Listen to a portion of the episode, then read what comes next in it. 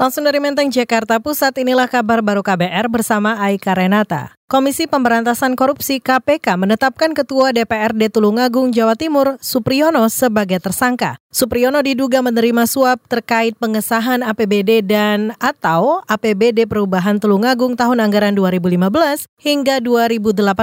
Juru bicara KPK Febri Diansyah menyatakan penetapan ini merupakan pengembangan penyidikan perkara yang menjerat bekas Bupati Tulungagung Syahri Mulyo. KPK menetapkan SPR Ketua DPRD Kabupaten Tulungagung Tulungagung sebagai tersangka. Tersangka SPR diduga menerima uang setidak-tidaknya sebesar 4,88 miliar selama periode 2015 sampai dengan 2018 dari Bupati Tulungagung periode 2013 dan 2018 yang sebelumnya sudah diproses dalam perkara yang terpisah. Dugaan penerimaan. Juru bicara KPK Febri Diansyah menambahkan nama Supriyono disebut Syahri Mulyo saat persidangan perkara korupsi pengadaan barang dan jasa Kabupaten Tulungagung. Supriyono diduga menerima duit 3,7 miliar rupiah yang digunakan untuk berbagai hal, antara lain memperlancar pembahasan APBD, mempermudah pencairan dana alokasi umum, dan dana alokasi khusus.